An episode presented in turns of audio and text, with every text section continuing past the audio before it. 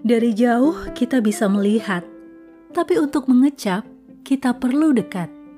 Ada istilah rasa tak pernah bohong. Maksudnya, kalau kita suka atau enak menurut kita, kita akan bilang enak. Lepas dari mengesankan orang lain loh ya. Penglihatan kita bisa salah. Penilaian kita akibat kesan bisa keliru pada akhirnya. Tapi rasa itu dialami sebab ia sudah masuk ke dalam nurani.